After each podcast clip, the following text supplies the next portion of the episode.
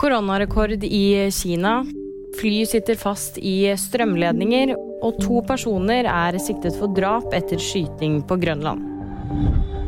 Aldri før har det vært så høye smittetall i Kina som nå. Denne helgen har det vært voldsomme demonstrasjoner i landet. Innbyggerne har sett seg lei av landets strenge koronastrategi og krever slutt på nedstengninger. En BBC-journalist skal også bli pågrepet og banket av politiet i Kina mens han dekket en demonstrasjon i Shanghai. Et fly med to personer sitter fast i strømledninger i Maryland i USA. Flyet skal ha krasjet inn i strømledningene og har sittet der siden søndag kveld. De to om bord i flyet skal ikke være skadet, og redningsmannskaper jobber med å få de ut.